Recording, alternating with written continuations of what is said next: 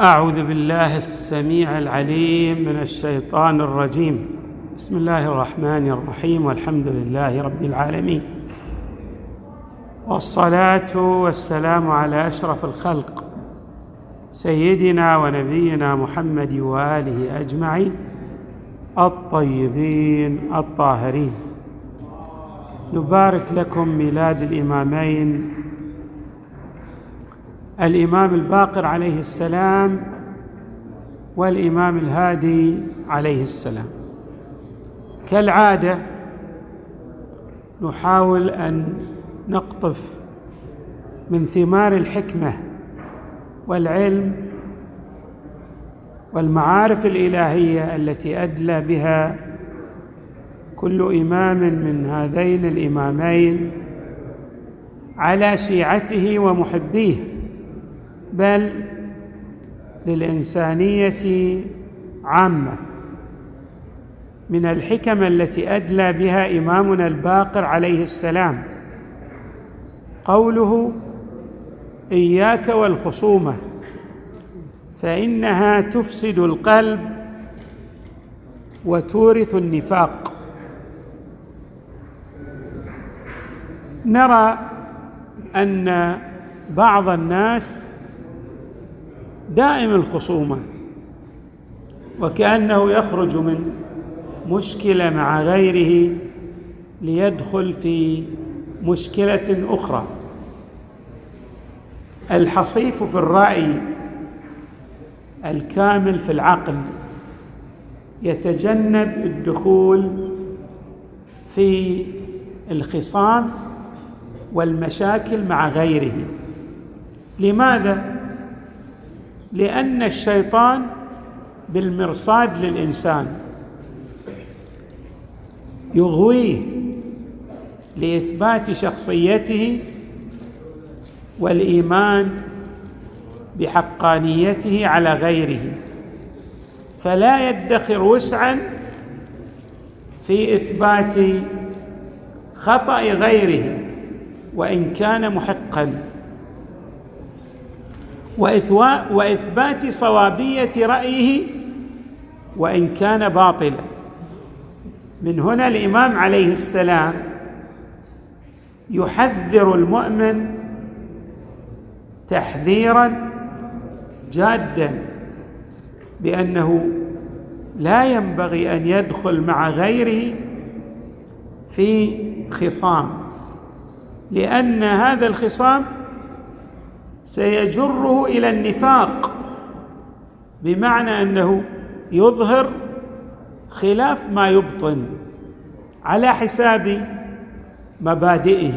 وأنتم ترون الخصام الذي يحدث بين الناس كافة بل بين الأقربين حتى بين الإخوان عندما يتنازعون في أمور الإرث مثلا أو في أمور أخرى في الأمور العائلية.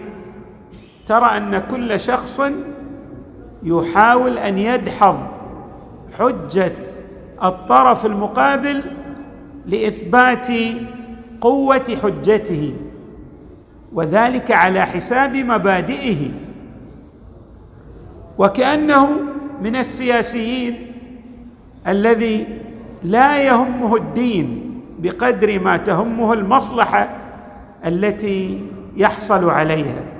الإنسان صاحب المبادئ يتجنب الدخول في الإشكاليات مع غيره لئلا يؤدي به ذلك الخصام إلى الإيغال في النفاق والعياذ بالله. الإمام يحذرنا من هذه المغبة السيئة. إياك والخصومة فإنها تفسد القلب وتورث النفاق. ما معنى إفسادها للقلب؟ لأن القلب كما جاء في الروايات هو حرم الله يعني ينبغي أن يشتغل بالله تبارك وتعالى.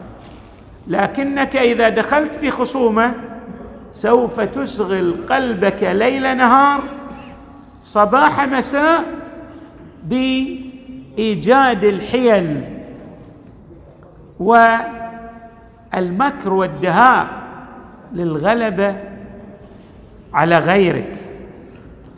أيضا من حكم الإمام عليه السلام قوله ما دخل ما دخل قلب امرئ من الكبر إلا نقص من عقله مثل ذلك. أيضا يحذرنا الإمام عليه السلام من الاستعلاء والكبرياء.